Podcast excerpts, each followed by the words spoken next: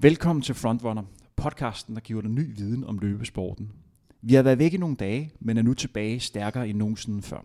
Det er mig en stor ære at byde velkommen til direktør for Dansk Atletikforbund, Jakob Larsen, direktør for, for Sparta Atletik og Motion, Dorte Vibjerg, og stifteren af Inbo Running, Jakob Ørholm.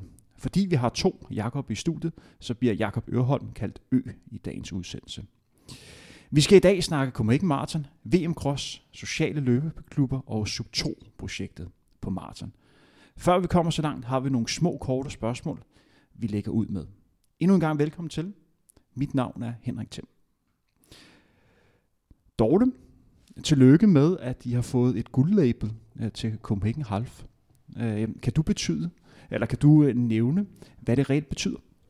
Jamen, det er jo lykkedes for os, den treårige strategi, vi har lavet på Copenhagen Half Marathon, da vi efter VM Halvmarathon gik sammen med Dansk Atletikforbund og blev enige om, at vi skulle altså lave et tilbagevendende internationalt stort halvmarathon i Københavns gader. Øh, vi startede med bronze og ender nu tre år efter med, øh, med, med guld. Det øh, sætter selvfølgelig nye krav. Det sætter selvfølgelig, at vi skal sætte nye ambitioner. Vi skal ikke bare hvile på laverbærene med, øh, med, med guld, men nu skal vi gå efter, efter nye mål. Og forhåbentlig bliver det en verdensrekord i Københavns gader inden for et øh, par år. Det er, det er helt klart målet. Det lyder spændende. Jakob, du har lige været fire dage i Aarhus og blandet snak en masse om øh, VM, som vi får til Aarhus om, øh, om to, år, to års tid. Hvad kan man forvente af det arrangement? Og øh, hvad oplevede du i Aarhus? Jeg kunne også se, at du mødte en meget berømt øh, 400 meter løber for USA, nemlig Michael Johnson. Jamen, det er, det er rigtigt. Øh, jamen, for at starte med det først, så VM Cross i Aarhus i 2019 bliver, øh, det bliver en folkefest. Altså, øh, jeg betragter egentlig selv den historie som stærkere og mm, større og med større potentiale end VM Halmarsen i 2014 fordi den, den trækker på nogle energier, der er lidt ukendte i miljøet. Halvmarserne er halvmarserne, det havde vi jo i forvejen. Vi gjorde så noget særligt ved det, men den her gang er det faktisk også basisproduktet, der er relativt ukendt i løbeverdenen i den dansk kontekst. Og samtidig så får det en international bevågenhed, der er langt større end, end øh, hidtil, så øh, når vi får samlet alle de her ting sammen, øh, så bliver det stort for os, fordi der rundt omkring i verden er rigtig mange, der rigtig gerne vil have, at vi lykkes med de tanker, vi gør os. Og det kommer vi ind på senere. Ø, du har lige været en, en tur i Berlin sammen med masser andre løber for løbefællesskab Inbro Running og løb Berlin Halmarathon. Hvad var det for en oplevelse? Og hvordan kan man sammenligne det for eksempel med Copenhagen Half? Hvad kan, man, hvad kan man, det arrangement Copenhagen Half lære af løbet i Berlin? Jamen det er rigtigt. Jeg var med, med 90 øh, ligesindede indbrugere til, til Berlin. Det har vi haft for vane øh, nogle år nu den her half-distance er jo rigtig stor, har jo rigtig stor appel til, til flere slags mennesker, og det kan vi jo rigtig godt lide at være forskellige mennesker samlet. Øhm, så vi havde både spidser og, og, og, og bagstykker med. Øhm, men altså, øh, vores oplevelse var, at vi sad øh, de her 60-70 mennesker bagefter på, på pladsen øh, lige efter mål og, og hyggede os i godt vejr og så videre, og så videre. Så, så Enbro-følelsen var i hvert fald med dernede og levede.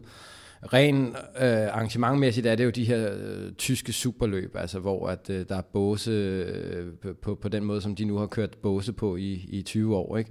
Øh, altså, jeg synes jo, Copenhagen Half, øh, jeg er jo lidt farvet, fordi jeg har den her nationalfølelse, men jeg synes, der er noget mere følelse i faktisk. Alle taler om de her øh, 60 orkester i Berlin, øh, både maraton og halv og så videre. Øh, men jeg synes faktisk, at København kan nogle andre ting, altså noget med, med, med, med øjenkontakten med tilskuerne osv. osv. Der er sådan en, en, en anden slags tilskueroplevelse, når man både som løber og, og som tilskuer selv. Det er også en stor dag for, for løbefællesskaber rundt omkring i, i verden, der mødes på kryds og, kryds og tværs, og, og både løber sammen og, og fester sammen efterfølgende. Når du snakker øh, med de her løbere øh, for, for hele verden, og for eksempel snakken kommer ind på, på Copenhagen Half, Copenhagen Half. Kan du fornemme, at man, hvad kan man sige, bedre kan lide det, det løb end, end Berlin, eller er det bare to forskellige oplevelser? Ja, det, altså det, det, det ligger også til baggrund for det, det, det jeg nævnte. Altså det, det er indiskutabelt, at øh, uh, uanset, vi har det her Bridge the Gap arrangementer rundt omkring, der, der prøver at sortere sådan lidt i landene, sådan, så vi får nogle forskellige kulturelle oplevelser. Men altså, øh, fakta er bare, at øh, der er noget i Beograd, eller noget i, øh, i London, eller et, et eller andet, hvor folk sådan mødes til et officielt BTG-arrangement, men så kommer halvdelen alligevel til København. Altså, det er sådan vores oplevelse.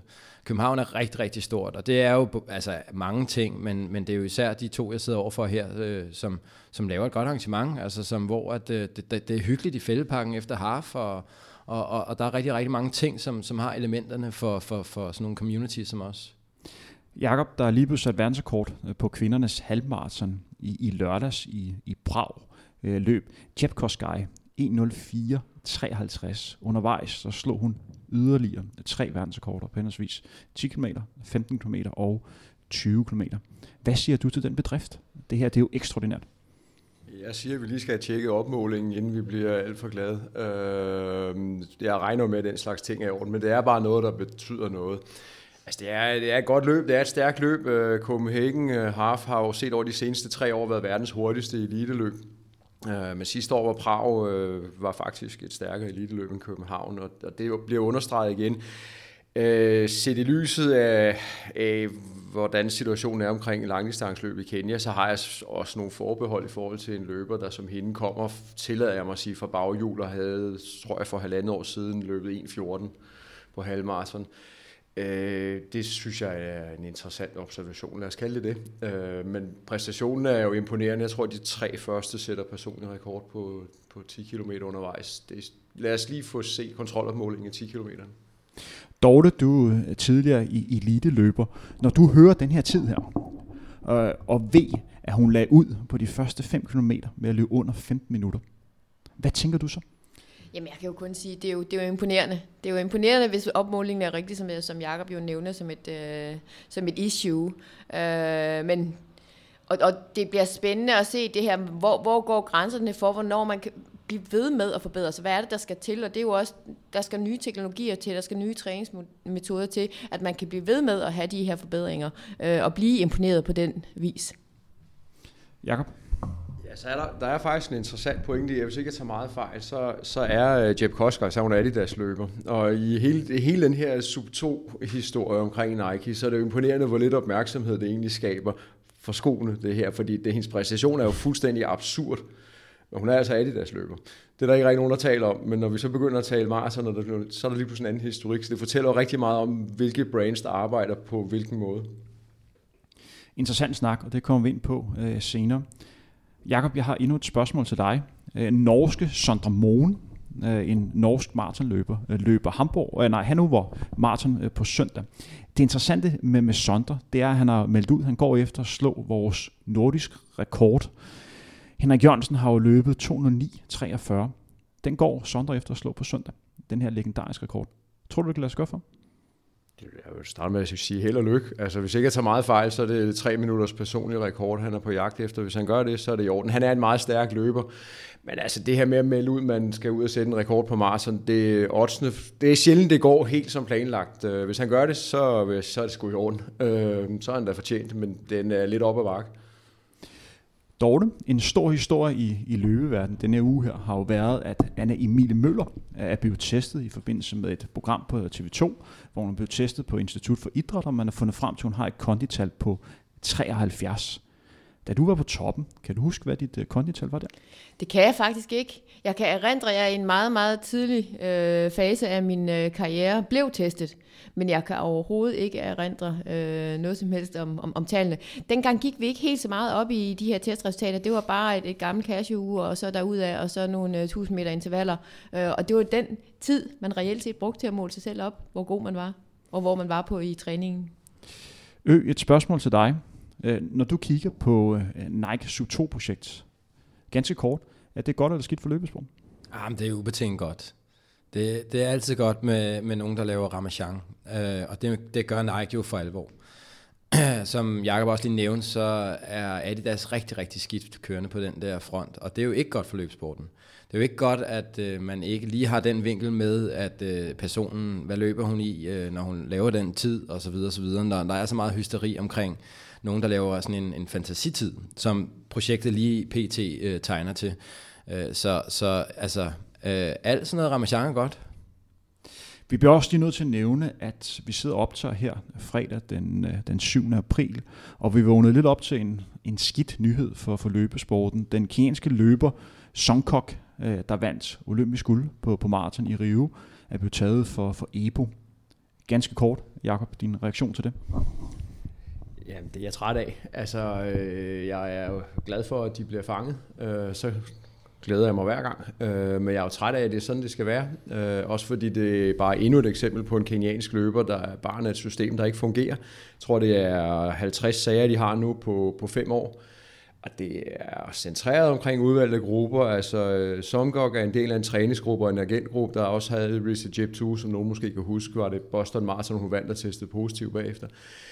Og, og der er nogle ting her, hvor jeg siger, men det her er der ikke styr på. Det der, vi skal glæde os over, det er, at hun bliver testet positiv i out of competition, og det er et system, som blandt andet de store løb har været med til at finansiere. Øh, så på den måde er der nogle ting i gang omkring langdistanceløb, hvor også løbsarrangørerne tager et ansvar. Hvis det her er toppen, eller første ligesom bølge af det, der kommer nu, så synes jeg, der er stor grund til glæde.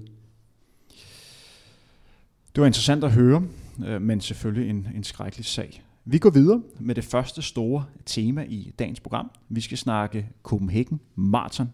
Dorte, Copenhagen Marathon er jo en kæmpe begivenhed øh, for Sparta, øh, hvor, hvor du er direktør.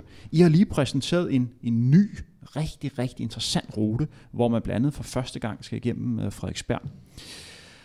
På hvilken måde anskiller den her rute sig fra det, man tidligere kunne opleve i København? Jamen altså, det, det, det vigtigste i den nye rute, det er jo selvfølgelig det her stræk, vi får på øh, Frederiksberg.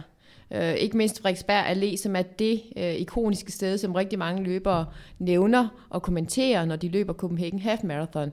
Øh, det har været vigtigt for os at få den integreret, fordi vi i mange år blev spurgt om, hvorfor vi ikke løber over Frederiksberg. Jeg bliver lige nødt til at stoppe det her. Så man har simpelthen arbejdet videre for de erfaringer, man har fået på Copenhagen Half, og så er der en masse løber, der bare tænker, Frederiksberg, det er stedet, man skal løbe, og så tænker man, vi bliver også nødt til at inddrage det i Copenhagen Marathon. Er det korrekt? Det er helt korrekt. Og, og det er klart, at Copenhagen Half Marathon har sat standarden. Den har sat standarden for, at vi bliver nødt til at løfte vores Københavns Marathon. Ikke at de skal ligne hinanden, men vi skal op i et andet niveau. Vi skal op og have en historiefortælling på Copenhagen Marathon, lige så vel som vi har på Copenhagen Half i dag. Øh, og der udnytter man jo så den synergi, de øh, tiltag, der er blevet sket, både VM halvmarathon og så Copenhagen Half Marathon, til faktisk at integrere det på de bedste dele på maraton øh, og få den løftet med.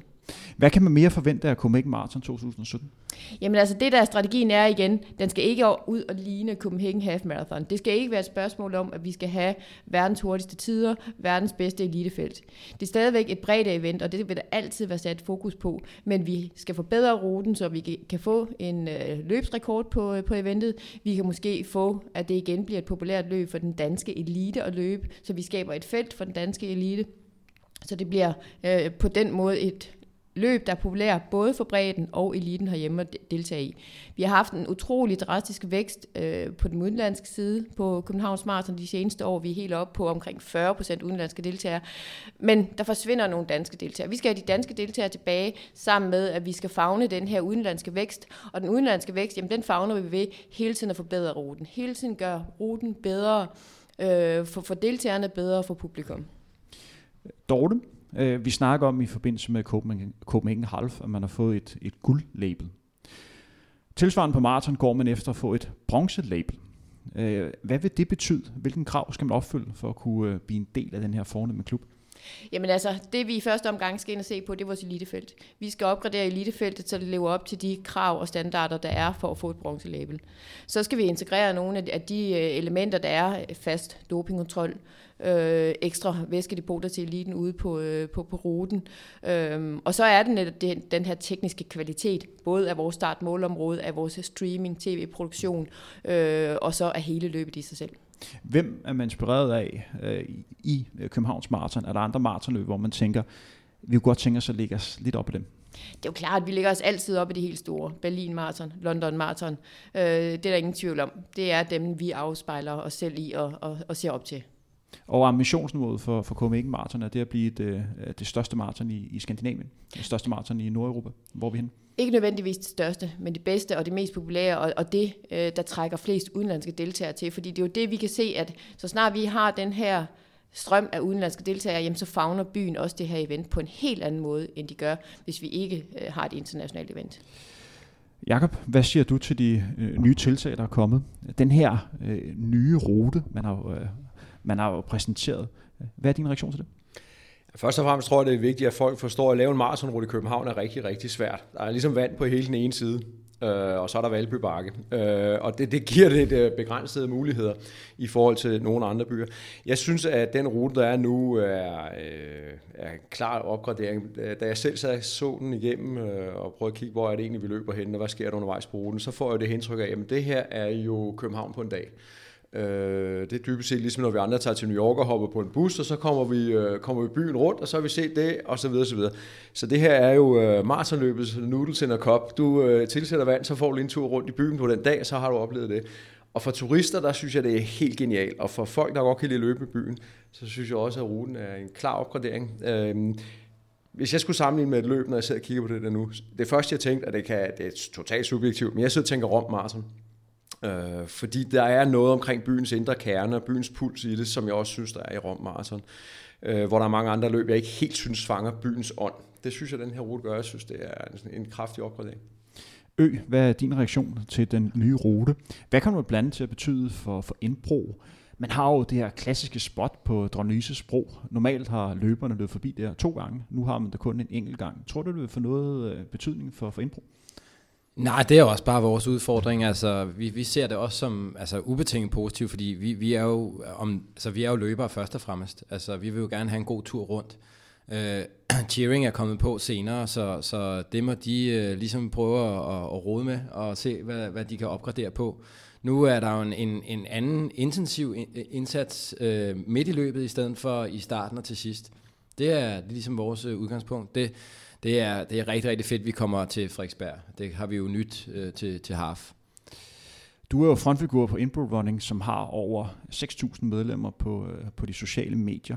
Når du snakker øh, med løber, øh, der møder op til fællestræning, det med, at man har ændret ruten, er det noget, folk har bemærket, eller noget, man snakker om?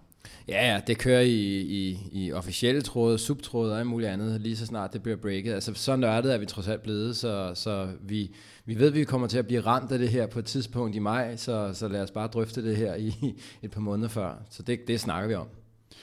Dorte, din reaktion til det, det er jo rigtig positivt, at man øh, formår at skabe en, en masse omtale øh, af løbet på den måde der.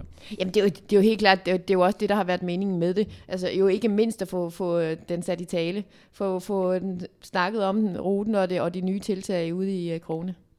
Uh, og, og for os er det jo bare fantastisk, at både forbund og også de her løbecommunities, de, de tager den her nyhed til sig på den måde, som de gør.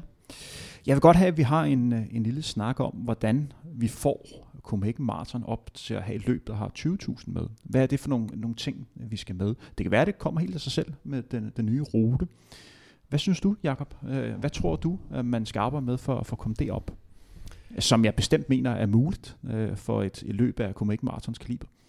Ja, først og fremmest synes jeg, at man skal forholde sig til, om, om mængde i sig selv er interessant. Altså det er, det er vigtigt at sørge for, at man ikke går på kompromis med løbets ånd, for jeg synes, at Copenhagen Marathon har en meget stærk grundfortælling. Øh, så det vil være mit udgangspunkt at sige, at der er flere er ikke nødvendigvis mere rigtigt. Øh, men lad os tage udgangspunktet, at man skal op og være 20.000 så synes jeg egentlig bare, at man skal fortsætte den udvikling, der er lige nu, og især ret blikket mod øh, København, også som rejsedestination, øh, fordi der kan det nogle ting. Øh, jeg tror, at det danske marked er, er relativt godt udnyttet på det her punkt. Nu får det en, en ny vinkel, men, men jeg ser det her løb have langt større potentiale i forhold til en udenlandsk historiefortælling. Dorte, hvis man skal vokse op på de her 20.000 løber, hvem er det så, man, man gerne vil have fat i?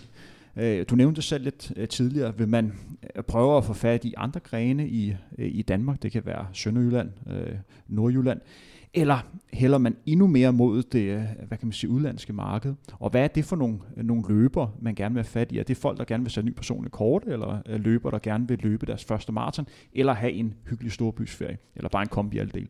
Altså det, det er klart, at, at selvom vi i dag ser et, et, et lille fald i den andel af danske løbere, så vil vi stadigvæk have meget, meget, meget fokus på den her øh, udvikling. Vi ser lige pt. med, at der kommer flere og flere udenlandske, der får øjnene op for København som en løbedestination. For jeg tror, at ved at, at, ligesom at dyrke den øh, og skabe den vækst uden, udenlandsk, jamen så kommer de danske løber helt af sig selv. Fordi så bliver det et interessant løb at løbe. Fordi hvis væksten kommer derfra, jamen så bliver det et stort løb, og så vælger man måske København frem for at tage til Berlin, Hamburg, eller dem, der ligger tæt på.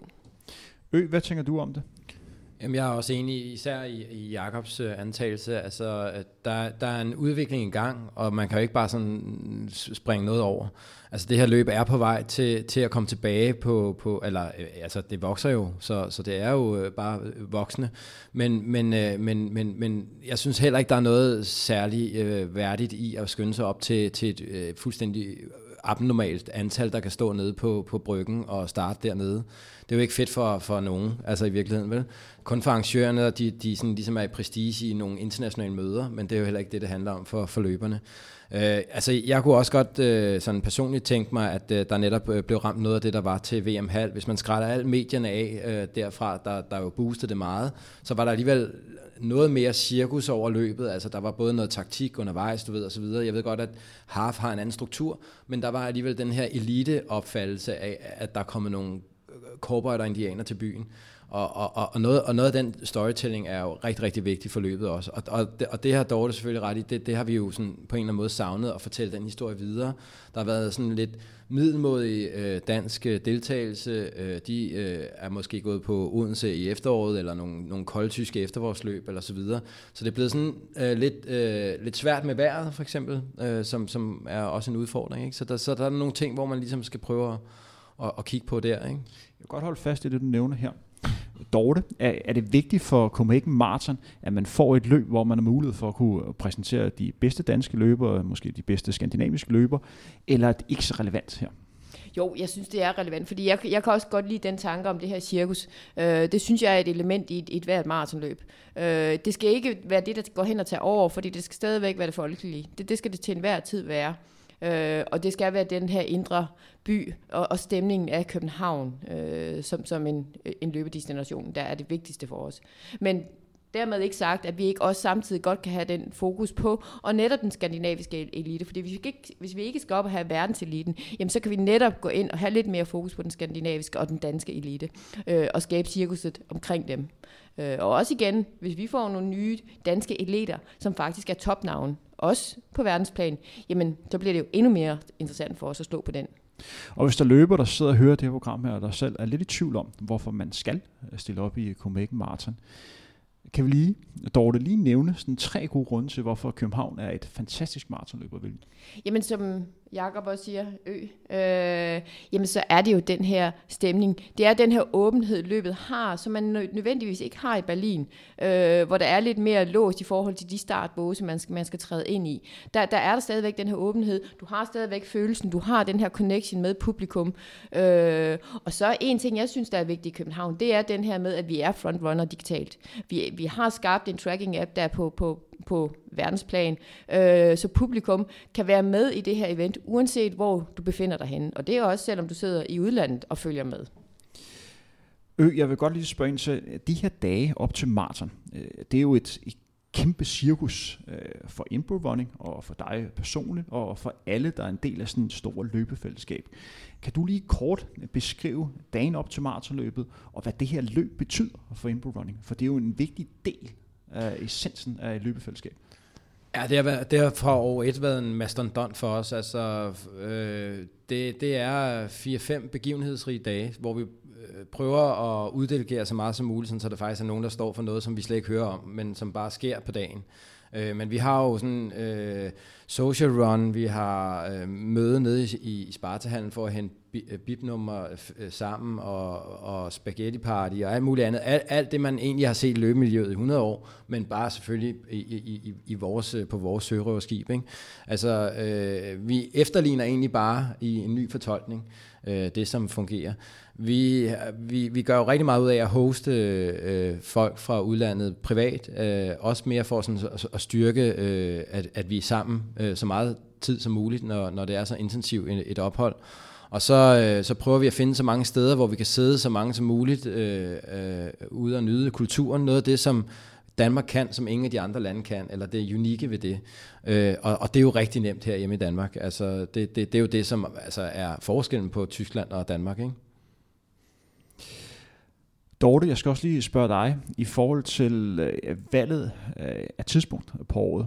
Øh, når jeg er rundt og snakker med øh, en typisk motionist, og man kommer ind på at snakke om Copenhagen Marathon, øh, så er der sådan to spørgsmål, jeg sådan typisk får. Det er, at hvorfor ligger det sådan i slutningen af maj? Og det andet spørgsmål, øh, det er, hvorfor har man ikke de danske mesterskaber øh, i, i maraton øh, i forbindelse med, med Copenhagen? Det er jo flyttet til, til Odense. Mm. Kan du øh, måske, hvis du lige svarer på, hvorfor det ligger i maj, og så kan Jakob svare på, hvorfor vi har de danske mesterskaber i Odense? Hvorfor den ligger i maj, er nok traditionen omkring Københavns Marathon. Øh, den har altid ligget der. Det har ikke været et diskussionsissue før. Og så er hele vores løbskalender jo blevet pakket rundt om Københavns Marathon. Øh, så, så det er lidt traditionen, der gør det. Hvor svært er det at flytte sådan et løb, hvis man skulle flytte dato på det? Ah, det, det er selvfølgelig svært og sværere, fordi der er mange ting i kalenderen, men det, det viser sig også bare, at, at hvis vi finder, at det er nødvendigt, øh, så, så kan, kan det også sagtens gøre. Jakob, i forhold til de danske mesterskaber? Jamen altså først og fremmest, så synes jeg, at Copenhagen ligger på det rigtige tidspunkt. Man skal også lige huske på, at de fleste deltagere, det er motionsløbere. Hvornår skal de træne? Det skal vi lige tænke ind i en dansk værkontekst. Så på den måde er terminen faktisk rigtig, rigtig fin. I forhold til det med de danske mesterskaber, der er terminen så til gengæld en lille smule udfordrende, hvis vi tænker ind, at vi skal have de absolut bedste danske løbere med, fordi en del af dem, de skal så også, øh, i hvert fald nogle gange jo løbe EM, VM, OL. Og så kommer vi ind i lidt i en tidsting, hvor at, øh, du løber maraton medio uh, anden halvdel af maj, og så skal de løbe i princippet primo august. Og der er en ting omkring det, og udtagelseskriterier, hvornår, hvornår er kvalifikationsperioder osv. osv. Øh, så der arbejder vi lidt imod et internationalt system. Samtidig så er det også et spørgsmål om, at, at vi øh, har et geografisk hensyn øst-vest. Øh, nu har vi så halvmarathon i København, den har, det har DM. Øh, vi vil også gerne have, at der også er, er DM i den anden del af landet. Vi vil også gerne have, at vi på den måde kan styrke andre arrangementer. Og i dialogen har vi bare altid øh, haft en, øh, hvor giver det mest mening? Det, det mener jeg egentlig, vi er rimelig afstemt om øh, arrangører imellem. Det var nok snak om kommer ikke Martin for denne gang. Vi går lidt videre i teksten. Nu skal vi snakke om VM Cross. Først skal vi tage udgangspunkt i det verdensmesterskab, der blev afviklet for små 14 dage siden i Uganda, øh, som var lidt af en begivenhed. Og så skal vi også have fokus mod VM Cross og næste gang, og det kommer jo til at foregå i Aarhus. Jakob, du var jo i Uganda. Hvad var det for en oplevelse dernede? Jamen det var, Øh, det var noget, jeg ikke havde prøvet før, vil jeg sige. Øh, altså VM Cross er en meget, meget stor ting øh, i, i løbeverdenen. Det er øh, utrolig stærke løbere, der er der, og på den måde er der den her atmosfære af, nu er det altså nu. Øh, samtidig er det også et, øh, en arrangement, der finder sted i et land, hvor at man angriber forberedelser på en, de tekniske forberedelser på en lidt anden måde, end vi gør herhjemme. Øh, og jeg vil endda sige, at Danmark har vi jo en tendens til måske at være lige lidt mere løst struktureret, end vi er end man er i Tyskland for eksempel. Øh, men altså selv som dansker, så stod man lidt og tænkte, jeg ved, om de når at blive klar her. Øh, det nåede de, men øh, det vi skulle nok ikke have haft starten to timer før. Du skal være med til at arrangere øh, VM Cross i Aarhus om to år. Kunne man lære noget af det arrangement her? Ja, ja, øh, det kan man godt. Altså, der er rigtig mange ting, der kommer til at være anderledes, så det har også noget at gøre med, hvad er det for en event, vi gerne vil præsentere for folk. Hvad synes vi cross er? Men, men i forhold til, hvad jeg synes, vi, vi tog med og, og, og lære derfra, der var, der, var, der var flere ting, men en af dem, det er det her med tilskuerne. Det er et meget medlevende publikum, og da jeg stod dernede, så, så tænkte jeg, at det her, det skal vi tænke over, hvordan vi skaber en dansk kontekst. Fordi der var en 8-10.000 lokale, og de var altså kommet for at holde fest. Øh, så det gjorde de. Øh, og det er bare en enorm festlig ramme, også for løberne at have den oplevelse. Øh, det lærer man noget af. Jeg vil så også, man lærer altså også noget af lige at se, ja, et er at lave løb hjemme i Danmark, når det er VM. Øh, det, var, det var en god påmindelse om, hvad det vil sige at holde VM. Nu har vi jo prøvet det for nylig, men det var en god lige at få det genopfrisket, hvad et VM er. Dorte, så vidt jeg husker, du har du deltaget i VM Cross. Er det ikke øh, korrekt? Jo, det har jeg. Kan du lige fortælle, hvad det er for en, for en størrelse, og hvor hård øh, konkurrencen er? Og så lige også komme ind på, at du faktisk klarede det ganske fornuftigt, da du var afsted. Jamen altså, det, det er jo et af de mest prestigefulde eventer at blive udtaget til at, at deltage i, og jeg kan huske, at dengang var kravene særligt specielle, når det galt VM Cross, fordi det var ikke bare noget, man blev udtaget til. Det, der skulle en særlig præstation til. Øh, og når man så står der, så kan man også godt mærke den der følelse, det er, at det her, det er stort. Alle de bedste løbere fra Kenya og Etiopien og, og de andre øvrige afrikanske lande, de stiller, står der bare. Øh, og jeg kan huske, vi stod der på startstregen, en 100 meter startstreg. Alle nationer skulle stå forrest. og du har en række af afrikanske løbere med bare tæer, som bare skal ud over stepperne. Øh, og man tænker bare, jeg bliver jo væltet om kul, når vi løber afsted her. Fordi det der, det er simpelthen så skarpt, og vi står 100 kvinder bare øh, og ja, næsten bruser øh, for at komme afsted. Øh, så det er nok en af de fedeste oplevelser, jeg nogensinde har haft at, at, at deltage i VM Cross. Det, det er der ingen tvivl om. Og ja, jeg blev femte bedste europæer, øh, 23, øh, nummer 23 i alt. Øh, så det var en, en rigtig fin placering på, på det tidspunkt. Du er lidt beskeden, Dorte. Jeg vil gå så langt og sige, at du løb fantastisk den dag. Ø, jeg har et, et spørgsmål til dig. Øh, igen at tage udgangspunkt i, at du er sådan talsmand øh, for, for, for løbefællesskaber. VM Cross, er det noget, som man har fokus på, for eksempel i Indbrug? Uh, øh, altså det vi jo begyndt at have, fordi vi netop har den her uh, altså mangfoldighed og netop også nogle, nogle spidser i fart. Øh, så de er der, og vi synes, øh, det er rigtig sjovt at se. Og vi kender jo også historien, mange af os, som øh, interesseres for dybden i, i, i, i, i løb. Altså det her med, at der er en historie og en baggrund, og det kommer meget fra England, USA osv. Der er sådan en rigtig god øh, tradition omkring det. Det, det, kan, det lapper vi jo i os. Vi, vi, vi kan godt lide, at der er noget, noget historie bag. Øh, altså, selve scenen er jo nok lidt, øh, lidt fremmed for os i forhold til vi, de her urban runners, som, som, som, som er meget community øh, øh, tendensen. Øh, så, der, så det er lidt modstridende, men, men, øh, men jeg ved jo, at vi kører meget trail, øh, mange af vores grupper osv., så, videre, så, så altså, tanken er jo meget nær, og jeg ved jo, at øh, til, til det her i Danmark øh, over i Aarhus har de planer om at ligesom brede det ud og lade det være en, en, en, en dansk øh, oplevelse også, ikke bare for tilskuerne, men også at man laver noget for ungdommen og, og så videre. Ikke? Så, så altså, igen kommer der, der bare Danmark ind over, og det synes jeg er flot. Jakob, jeg bliver også nødt til at spørge ind til, fordi det var et, et specielt løb, øh, især herrenes løb. Det var jo sådan, at der var en løber fra Uganda, smadrede alt i det her øh, løb her. Det skal lige siges, det foregik hvad? 12 meters højde. Det var ekstremt varmt og en høj luftfugtighed. Han løb nærmest løbet for spids her på frontrunner, og I elsker vi løber, der bare tager sagen i sin egen hånd og bare, og bare giver en gas. Da der var en kilometer igen, der troede alle, han skulle blive en ny verdensmester og vinde det her, det første guld til Uganda. Tilskuerne gik helt amok. Og så skete der et eller andet 200 meter senere. Kan du beskrive den oplevelse? Du var jo til stede. Det må jo være noget af det mest vanvittige, du har oplevet. Jamen, det var faktisk lidt specielt, fordi øh, de løber fem omgange. Øh, I Uganda løb de øh, en 2 km rundstrækning fem gange. Øh, og da han går ud på sidste runde, der fører han med 10 sekunder foran den øh, forsvarende verdensmester. Og som du selv siger, da der er lidt over en kilometer igen, der har han om noget jo nærmest øh, udbygget det forspring. Og så jeg kigger lige til venstre for mig, der står der, at jeg, øh, det er øh, det var sådan her, det skete. Jeg kigger til venstre, står der en gammel bedstemor, lokal bedstemor, og hopper og danser og, og råber og synger. Og jeg, jeg var egentlig mere fascineret af hende end af løberen, hvis jeg skal være helt ærlig. Så jeg står og kigger lidt på hende, og så kigger jeg ud på banen igen, og lige pludselig, så er det der 10-12 sekunders forspring, så er det bare to sekunder. Øh, han eksploderede fuldstændig. Øh, så jeg var sådan lidt, hvad fanden skete der egentlig? Øh, for jeg var lidt optaget af bedstemor. Øh, og så er det jo bare, altså så på den sidste kilometer, der taber han, han bliver nummer 25. Uh, øh, og taber jo, hvad, hvad er det, to minutter eller halvanden minut eller sådan noget på en kilometer. Altså det er, han går fuldstændig sort og øh, jo løber jo nærmest baglæns til sidst. Øh, så det var, rimelig, det var en rimelig øh, voldsom øh, oplevelse. Også at se, fordi han var tydeligvis hårdt ramt. Det var han så ikke den eneste, der var. Der kom nogen, der var værre senere. Ja, det var et, det var et rigtig, rigtig barsk løb. Men det var også en, en hård dag øh, i, i Uganda. Dorte, hvad tænker du om VM Cross i Aarhus? Tror du, man kan bruge erfaringerne til, til VM Halmarathon i København til det arrangement her, eller er det bare to forskellige ting?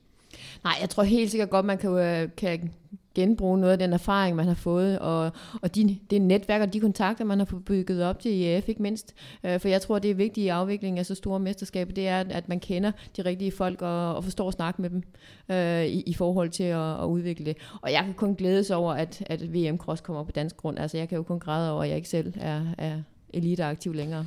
Sparta arrangerer jo de, de øh, største løb i, øh, øh, i Danmark. Kan I fornemme større interesse for de her crossløb, de her trailløb? Nu, nu er det en, øh, en, en distance, vi ikke sådan ligesom selv er gået ind i. Øh, og det har egentlig været et bevidst valg, både fordi det, det er svært for os at skabe ruter øh, inde omkring København og, og Indre By, øh, og så har vi egentlig haft vores fokus på at udvikle landevejsløbende. Øh, så, så altså, selvfølgelig, det, det bliver en svær øh, ting at skulle skabe den her storytelling, skabe den her brede appel til, til cross. Så det er helt klart en opgave, at Dansk Atletikforbund har fået i, i den henseende. Jakob, hvor er man lige nu i processen op imod øh, øh VM Cross? I havde jo et stort pressemøde i, i mandags, hvor I havde den legendariske Sebastian Coe over, der også øh, roste arrangementet til, til skyerne. Først og fremmest, jeg har alt muligt respekt for, at I formår at skabe så meget omtale om arrangement, som først bliver afviklet om to år. Det er godt gået. Kæmpe respekt herfra. Hvor er I lige nu? Jamen, vi, er, vi opererer på rimelig mange øh, fronter. I forhold til den tekniske øh, udførsel af løbet, kan man sige, så er vi i gang med at, at finde ud af, hvordan skal selve programmet være. Der er to ting, der er ufravilligt. Det er, at øh, skole cross bliver en del af det. Vi har jo skole i dag, der er baseret på øh, traditionel stadionatletik, og så også nu et par andre idrætsgrene i 2017.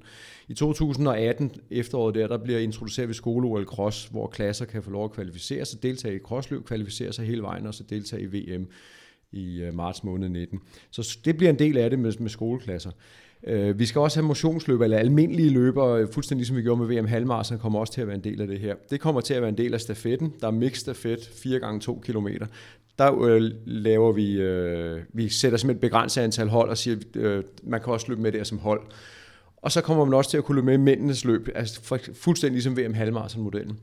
Vi har nogle forskellige løsninger, fordi nu er jo Ganteløb man jo to kilometer Jeg bliver nødt til at stoppe det her. Så det vil sige, når mændene løber, så får, øh, hvad kan man sige, den almindelige motionist, lad os tage udgangspunkt i, i ø, øh, uden at fornærme dig, så går jeg ikke ud fra, at du bliver en del af det danske hold øh, til det. Så hvis du skal være med, så skal du være del af motionsløbet. Så øh, det vil sige, at kvinder også får lov til at løbe med her. Ja. Øhm, der hvor vi er nu med den del, og det er ufravilligt, det kommer til at ske. Øh, vi kigger nu på, hvor meget kan ruten rumme, for vi kommer ikke til at løbe på en 5 gange 2 km rundstrækning, fordi så kommer folk til at stå i vejen for hinanden. Det kender vi fra, fra visse stafetløb i Danmark. øh, Øh, så det gør vi ikke her. Det, det er fint nok i nogle arrangementer, men det er det ikke i et VM. Når verdens hurtigste kommer, så skal de have plads at løbe på. Øh, så det betyder, at vi har to forskellige forslag, vi har lagt foran IF, og siger, enten så øh, kører vi med flere forskellige loops, sådan så løberne reelt løber på en lang tur, der bare består af flere loops, dybest set en firekløver rute, kan I kalde det. Alternativt også, at vi simpelthen har et flow, der benytter flere loops, man løber flere gange. Det, det øh, lyder kompliceret, det er det egentlig også lidt. Det er meget med flow, øh, hvordan vi analyserer, hvor er folk hen, hvornår.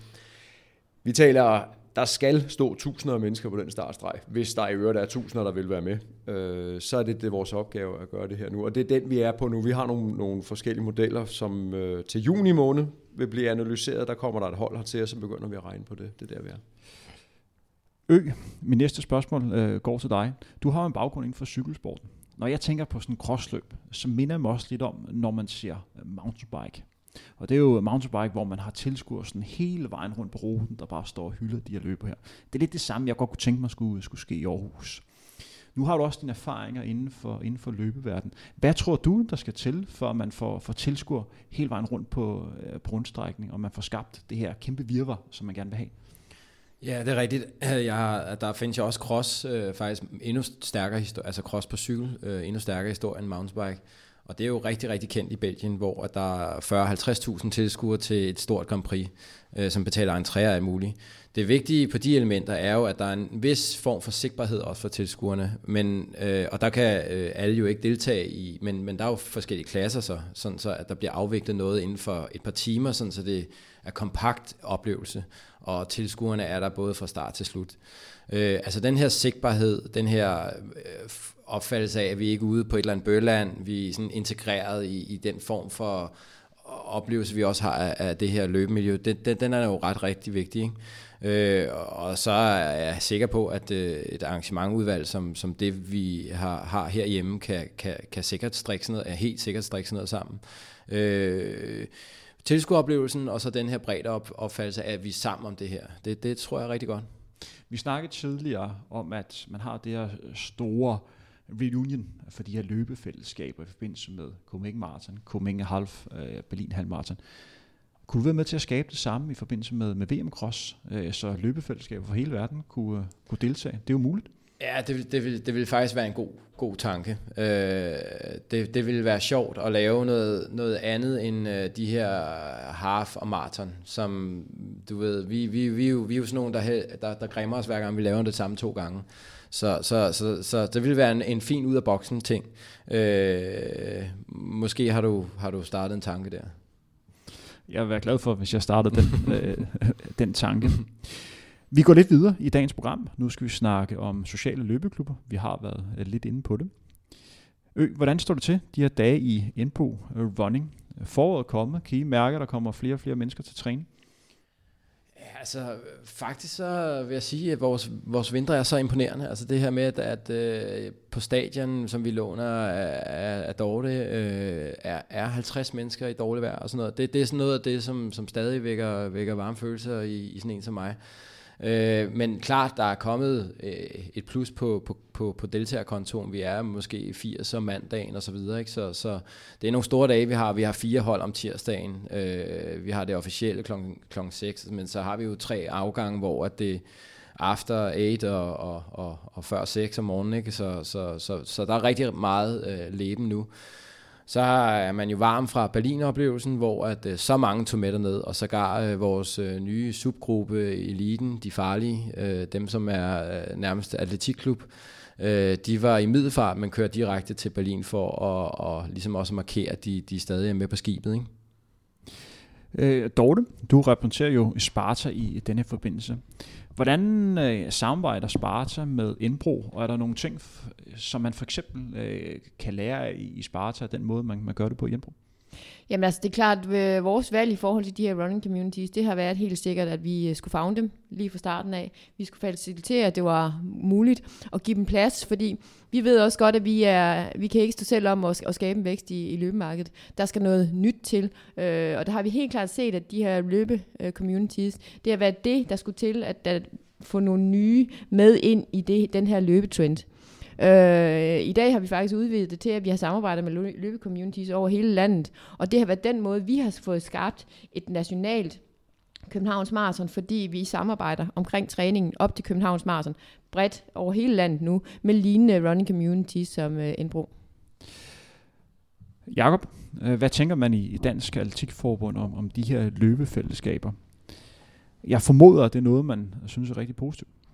Altså alle, der beskæftiger sig med løb og med vores idræt, er positivt. Øh, punktum. Øh, mere energi end i det, jo mere, jo bedre. Hvad siger udviklingen? Hvor er, hvor er vi vej hen? Øh, I nævnte selv, der, der blomster den ene løbefællesskab op efter den anden. Jeg kan starte med dig, Kan du mærke for eksempel, at der er kommet øget øh, konkurrence? Jamen, altså, det lyder heldigt, men altså konkurrence er det på ingen måde. Øh, vi, vi inspirerer hinanden. Øh, nogle øh, gør det samme som os, øh, og så finder de selv på en tanke selv, og sådan bliver man jo større eller anderledes, eller en organisme. Øh, jeg vil sige, jeg er faktisk lidt selv i tvivl, og det er også det, der sådan, øh, øh, interesserer mig, at jeg er i tvivl om, hvor det kører hen.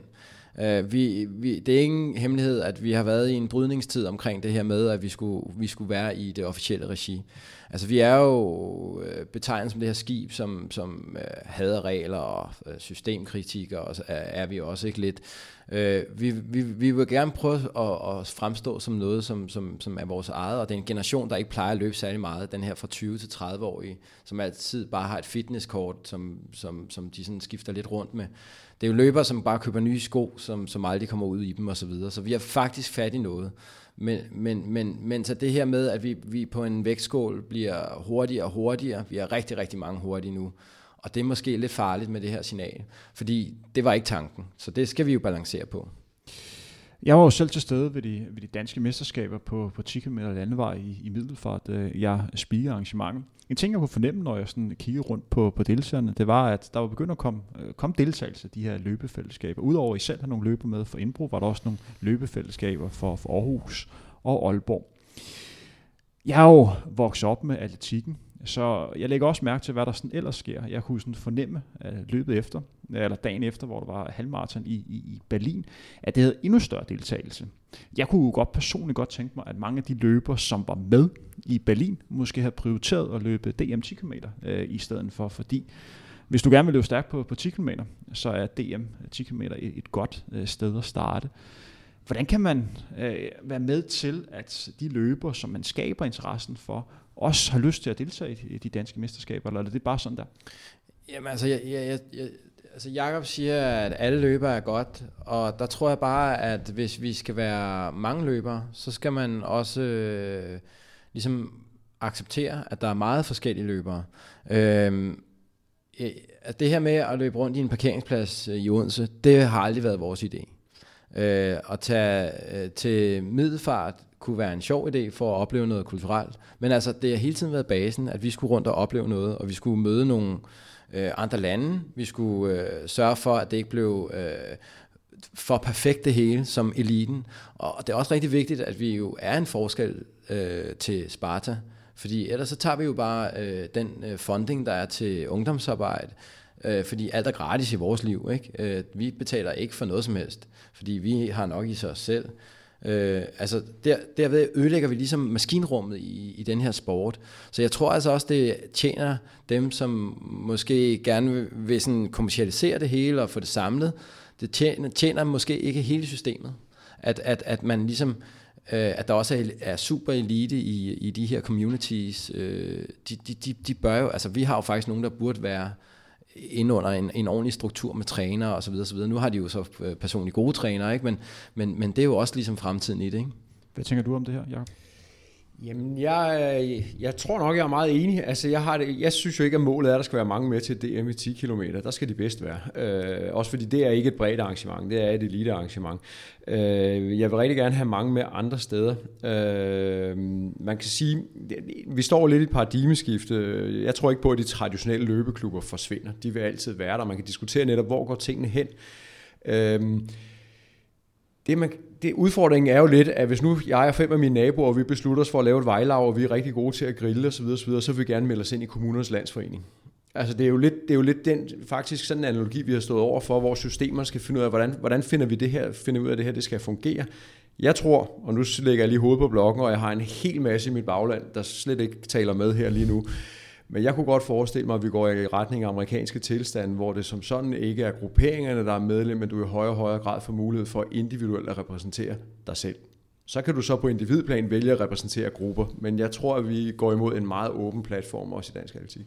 Ø, du havde en kommentar til det? Ja, det, det følger jeg, men jeg vil også gerne tilføje, at altså, det jeg faktisk frygter, det er, at vi får så meget succes, så det ødelægger øh, øh motionsklubber, øh, foreningsliv osv. osv. Og det, det, det, det tillader jeg mig simpelthen at sige, fordi at øh, om 10 år, hvor at, øh, hvad skal man sige, der har været de her generationsskifter, så, så kan vi jo ende op med, at der er en masse communities, der er ingen øh, organisation, så vi skal jo sørge for at bevare hinanden, øh, som det er. Jeg vil også gerne have Dorte med på banen her. Jamen altså, den, den er jeg meget, meget, meget enig i, men der ser jeg også os som forening, vi har en opgave i at skabe et tilbud, som er differentierer sig fra det, som løbecommunitiesne de kan, som faktisk spiller på nogle af de værdier, noget af det, vi kan, og hvor, der, hvor vi differentierer os. Øh, fordi jeg kan godt se os øh, samarbejde og leve i synergi. Øh, hvis vi begge formår at udvikle os parallelt. Øh, og så synes jeg, det er endnu mere interessant, jamen hvad gør de næste generationer? For det er klart, running communities er blomstret op på baggrund af en generation. Men hvad gør de næste? For den næste generation, øh, der er ved at komme nu, jamen de er jo ikke ligesom jeres generation. Jakob, du har en kommentar.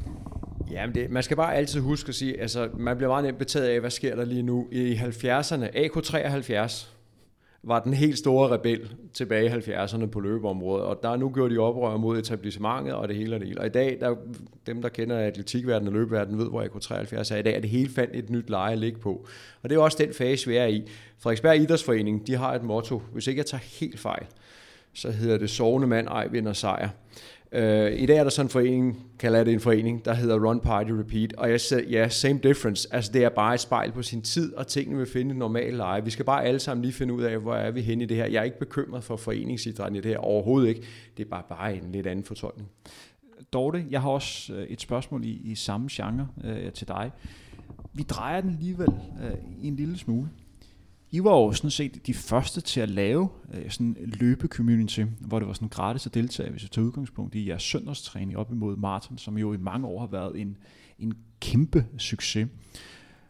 Da jeg sad og undersøgte markedet, så var der en ting, der slog mig. Det er, hvor godt I sidder på de her fællestræninger. Fordi taget betragtning, hvor mange tilbud altså man som løber kan møde op i, hvis du er udgangspunkt i Københavnsområdet om lørdagen, så er der absolut ingenting om søndagen.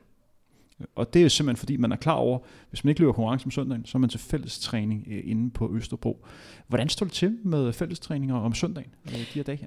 Jamen altså, fællestræning har altid været et vigtigt element i vores øh, træning op til Copenhagen Marathon. Fordi det er lidt det her med, at vi skal i hvert fald hjælpe dem, vi kan med at komme frem mod deres mål. Det der jo så er, er med øh, vores fællestræning, det er, at den er baseret på Østerbro. Øh, så vi ser jo faktisk gerne, at den fællestræning den bliver bredt ud.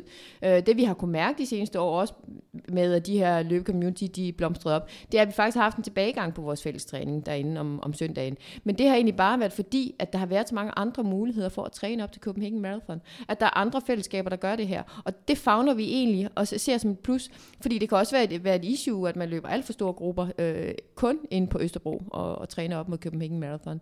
Så øh, selvom vi ser en, en tilbagegang på fællestræning, jamen, så, så øh, er det en positiv udvikling. Den sidste ting, vi lige skal snakke om i denne forbindelse. Øh, jeg havde en, en snak med Mikkel Bjergsø øh, for Mikkeler øh, for, for tre uger siden, hvor han sagde direkte, at han inden for det øh, næste lille års tid, så vil han starte et professionelt løbeklub op. Hvad vil det få af konsekvenser, at vi lige pludselig får en virksomhed, der på den måde melder ud, at de vil begynde at, øh, at betale og gøre løber fuldtidsprofessionel? Jakob? Ja, det vil i hvert fald få den konsekvens, der er nogle løbere, der får penge for at lade passe deres træning. Øh, den, den langsigtede konsekvens, den er jo svær at, at se. Det kommer fuldstændig på succes og så videre. Og så videre. Altså, der er jo også et return of investment øh, betragtning på det her. Jeg synes mest, det er interessant. Altså det, der er det rigtig spændende ved løbeverdenen, det er, at fordi vi har relativt få regler, så gør det det muligt for rigtig mange at være innovative og udvikle. Hvorimod i andre idrætter, der sidder der ganske få mennesker i et enkelt organ og kontrollerer hele biksen. Og det begrænser innovationen helt vildt. Så når Michael har trænet på den her måde, jamen, så er det bare endnu en, der går ind og prøver at udvikle på et område til alles glæde. Jeg, jeg, det er fint. Jeg er rigtig glad for det. Har du en kommentar på det, Dorte? Nej, jeg er kun helt, helt enig. Netop det her med, jamen lad os bare få nogen med øh, ressourcer til at, at skabe noget innovation i, i branchen. Det øh, kan jeg også kun øh, se positivt på. Jamen, jeg, jeg synes også, altså, som, som, øh, som Nikes projekt med, med to timers uh, tingene, så alle de her kommersielle ting, de, de, de har interesse. Uh, Mikkel er jo en ildsjæl. Jeg synes, jeg synes, der er stor forskel på Mikkels projekt og et community, altså fordi han skal sælge noget. Øh, Øh, og, og, og derfor så har han et andet sigte. Han skal jo over for en bestyrelse øh, forelægge det her. Det skal, det skal vi på ingen måder. Vi skal måske drikke øl over det. Måske en af hans vi går lidt videre i, i dagens program. Nu skal vi snakke om SUG2-projektet øh, på, på Marsen. Det var jo sådan i øh, december øh, 2016, så blev lanceret for, for Nikes side, at man har udvalgt tre løber, øh, der skulle prøve at komme under den her magiske to timers grænse på maraton. Der gik ikke mange dage, så præsenterede Adidas et lignende projekt. Det har været sådan et hemmeligt, hvad der helt præcist øh, skulle ske, men i starten af marts kom det frem, at man lavede sådan et, et testløb på Monza-banen i Italien, hvor de her øh, tre løbere, som repræsenterer Nike, skulle prøve den nye sko, som var lavet til anledning, og så skulle de prøve at løbe rundt på den her Monza racerbane og prøve at løbe et, et halvmarathon i det forventede race pace. Kipchoge, som nok er ham, de, de fleste øh, tror, at de er tre løbere, der har kapacitet til at komme under øh, to timer, hvis det skal lykkes, løb ved den lejlighed 59-17 og udtalt efterfølgende, at han løb på 60%. Hvordan man kommer frem til den beregning, det er lader vi lidt i det uvisse. Jakob, hvis du skal gøre status her, øh, sådan en halvanden måned før, at det kommer til at foregå, fordi Nike har meldt ud, at det kommer til at foregå i, i, i maj måned. Vi havde en længere snak om det her i januar hvor vi begge to var rimelig enige om, at det her kommer ikke til at ske. Er, er vi kommet tættere på, at det kan realiseres? Jamen altid, som jeg også sagde dengang, alting kan lade sig gøre, hvis bare du former det efter. Hvis du bryder tilpas mange regler, altså så kan de fleste mennesker løbe under to timer på maraton. Øh, deres halvmaraton blev løbet bag en bil, der skærmede for vinden. Der er rullende udskift af pace. De skal ikke selv hente væske, den får de afleveret i hånden. Det er bare eksempler på nogle af de regelbrud, der bliver lavet. De 60 procent, der skal han nok lige at tjekke sin hovedregning, tror jeg, men, men det er så en anden snak. Øh, det kan sagtens være, at den bliver brudt, men igen, hele, hvis ud fra en teknisk betragtning, så er der en masse regler, der bliver brudt undervejs, og så kunne jeg jo sige, så kan vi også bare kort løbet med en kilometer. Altså det er jo også et regelbrud, så er det jo lidt nemmere at løbe under to, to timer. Så på den måde, øh, ud fra en teknisk betragtning, det kan godt være, det sker, men jeg synes, det er uinteressant ud fra den betragtning. Jeg synes, det er en marketing og en kommunikationsting. Der er, det er virkelig det, der er det interessante. Dorte, jeg vil godt lige spørge dig, og jeg tager udgangspunkt i, at øh, du er jo øh, løbsarrangør i, i Sparta. Det her arrangement her har jo øh, hvad kan man sige, til fremme for at vise, at mennesket øh, kan komme under to timer på maraton.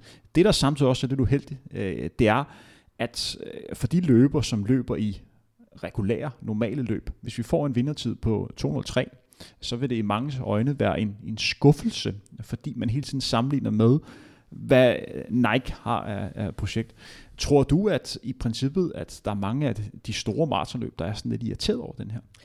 Ah, altså, jeg, jeg ser det nok lidt ligesom Jacob, at det her det, det er lidt et kunstigt setup, øh, at, at det er markedsføringsværdien i det, der er det vigtigste for Nike frem for, for den her øh, sub to timer.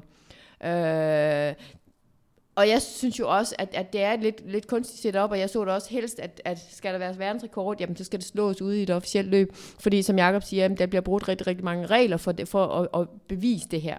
Øh, selvfølgelig er det interessant øh, at se, hvad teknikken kan gøre, og hvad den teknologiske udvikling kan være med til at skabe i forhold til, at vi kan blive ved med at slå verdensrekorder. Det, det er det interessante i det for mig. Ø, din holdning til, at det kommer til at foregå i Italien, vi løber på en, øh, på en, øh, på en motorbane, og det bliver til at øh, streame over, over nettet. Hvad synes du om det hele der? Jamen som sagt igen og gentaget, det er en god marketingplan. Altså det er jo marketingfolk, der har lagt ruten, øh, hvor er der bedst øh, satellitdækning osv. osv. Øh, jeg tænker mere sådan nogle ting, at øh, det kan, vi kan jo alle sammen lære noget hele vejen ned. Øh, Dorte kan lære noget i forhold til øh, det kommercielle marked, i sådan, hvem, hvem appellerer det her til, hvem, hvem er interesserer sig for det her, hvor, hvor, hvor, hvor mange målinger er der på, på sådan bredde tilskuer osv. Så, videre. så ligger det jo rigtig, rigtig godt i forhold til København Marathon, i forhold til, der er sådan noget løbesnak, øh, der er noget, noget, noget, noget baggrunds, der er en masse øh, så sikkert reportager i, i, i nogle sportskanaler, der ikke plejer at vise noget her. Jeg synes, at det er morsomt at følge med i. Det er lidt absurd teater, til grænsen ufrivilligt øh, morsomt. Jakob, har det her projekt her fået den omtale, man kunne forvente? Ja, ja, bestemt. Øh, der foregår også rigtig meget i kulisserne lige nu. Ikke? Altså Nike har jo ansøgt om patent på et bladfjedersystem inde i, i den her sko, og, og bladfjeder er Øh, det betyder også, at man, begynder, man er nødt til at begynde at lave tekniske analyser på, på fodtøj. Det gør man jo alle mulige andre redskaber i atletik. Det har man faktisk ikke gjort på sko. Men bladfjeder, bladfjeder var jo det som Blade Runner, som nogen måske kan huske, den øh, sydafrikanske øh, benamputerede 400 meter løber Oscar Pistorius løb med. Øh, det fører over i, hvilke kvaliteter har en bladfjeder, og hvornår, hvor lang må en bladfjeder være? Hvad er egentlig definitionen på en sko? Hvad nu, hvis en sko rækker helt op i knæhasen og en lang bladfjeder? Hvad betyder det så? Øh, og hvem har adgang til det her, når de tegner et patent? Bliver det lige pludselig ligesom da øh, Speedo lancerede deres LCR, LCR svømmedragt lige inden OL i Beijing? Der var der kun to svømmer, der ikke havde den badedragt, og vandt en medalje.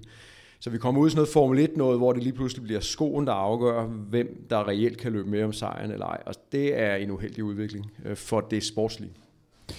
Det interessante i det her forbindelse, det er jo også, at Aldas har jo et lignende projekt, hvor de også gerne vil øh, se, øh, om det kan lade sig gøre at komme under to timer på maraton. Den store forskel for Aldas kontra Nike, det er, at man må gøre det i, i det, man kalder en regulær løb. For eksempel Copenhagen Marathon. Hvis du møder en løber, og man spørger ind til det her, så har Nike nærmest fået patent på det her navn her. Alle kalder det Nike Sub 2 projekt. Øh, har alle der sovet team? Ja, ja, det har de da. Øh, altså der er, men det har de jo, Nike har været dygtige i mange år til, det, til, til den her form for marketing. Det bliver interessant at følge med i, i udvikling. Vi er nået til, til vejs ende. Øh, jeg skal lige høre en gang her på faldrøb, Er der nogen der har noget, og, og de gerne vil byde ind med, eller føler vi, at vi sådan har været, været hele vejen rundt? Dorte har en ting. Jamen altså, øh, jeg synes jo bare, at det her det er en, øh, en rigtig, rigtig spændende snak, og jeg synes, den her kombination af, at man snakker social running, øh, de store maratonløb, øh, hele den her teknologiske snak om, om, om, om udstyr. Det, det er et fælles marked, vi, øh, vi, vi er på. Det, det interessante er at se, jamen, hvor, hvor, hvor udviklingen på vej hen. Hvor flytter det her marked sig hen? Hvor meget bliver kommercielt? Hvor meget bliver ikke kommercielt? Hvordan kan det hele smelte sammen? Øh, det vigtigste for os alle sammen er jo lidt den her, hvordan fagner vi teknologien? og udnytter den til øh, vores eget bedste, og hvordan får vi skabt en, en, en genvækst i det her marked, hvordan får vi, bliver vi ved med at få flere og nye løbere ud og motionere. I den forbindelse bliver jeg også lige nødt til at spare, at spørge dig, Dorte, for der er noget med, at I har et arrangement i maj måned, der handler om det her. Er det ikke korrekt? Jo, det øh, har vi faktisk. Vi øh, lancerer en øh, konference. Vi går ind og, og snakker digital running. Øh, vi går ind og snakker, jamen, hvor er vi henne øh, om fem år? Fordi vi ved også godt, at vi bliver nødt til at være mere forudsigende. Vi skal til at lægge nogle roadmaps for, øh, hvordan ser verden ud om fem år, for at vi faktisk kan udvikle vores events og aktiviteter, og ikke mindst vores løbeklub, i forhold til at tilpasse os den fremtid, der er om fem år. Spændende, interessant øh, udvikling. Jeg vil gerne sige tak for i dag. Tak til Jakob Larsen, øh, direktør for Dansk Atletikbund, fordi han har lyst til at møde op. Tak til Dorte Viberg, direktør for Sparta Atletik og Motion. Og tak til Jakob Ørholm, øh, stifter af Indbo Running. Husk at like Frontrunner på Facebook og abonnere på os på SoundCloud og iTunes, så vil du kunne høre flere spændende podcast om løb. Ha' en rigtig god dag og fortsat god træning derude. Henrik Thiem lukker ned for denne gang her.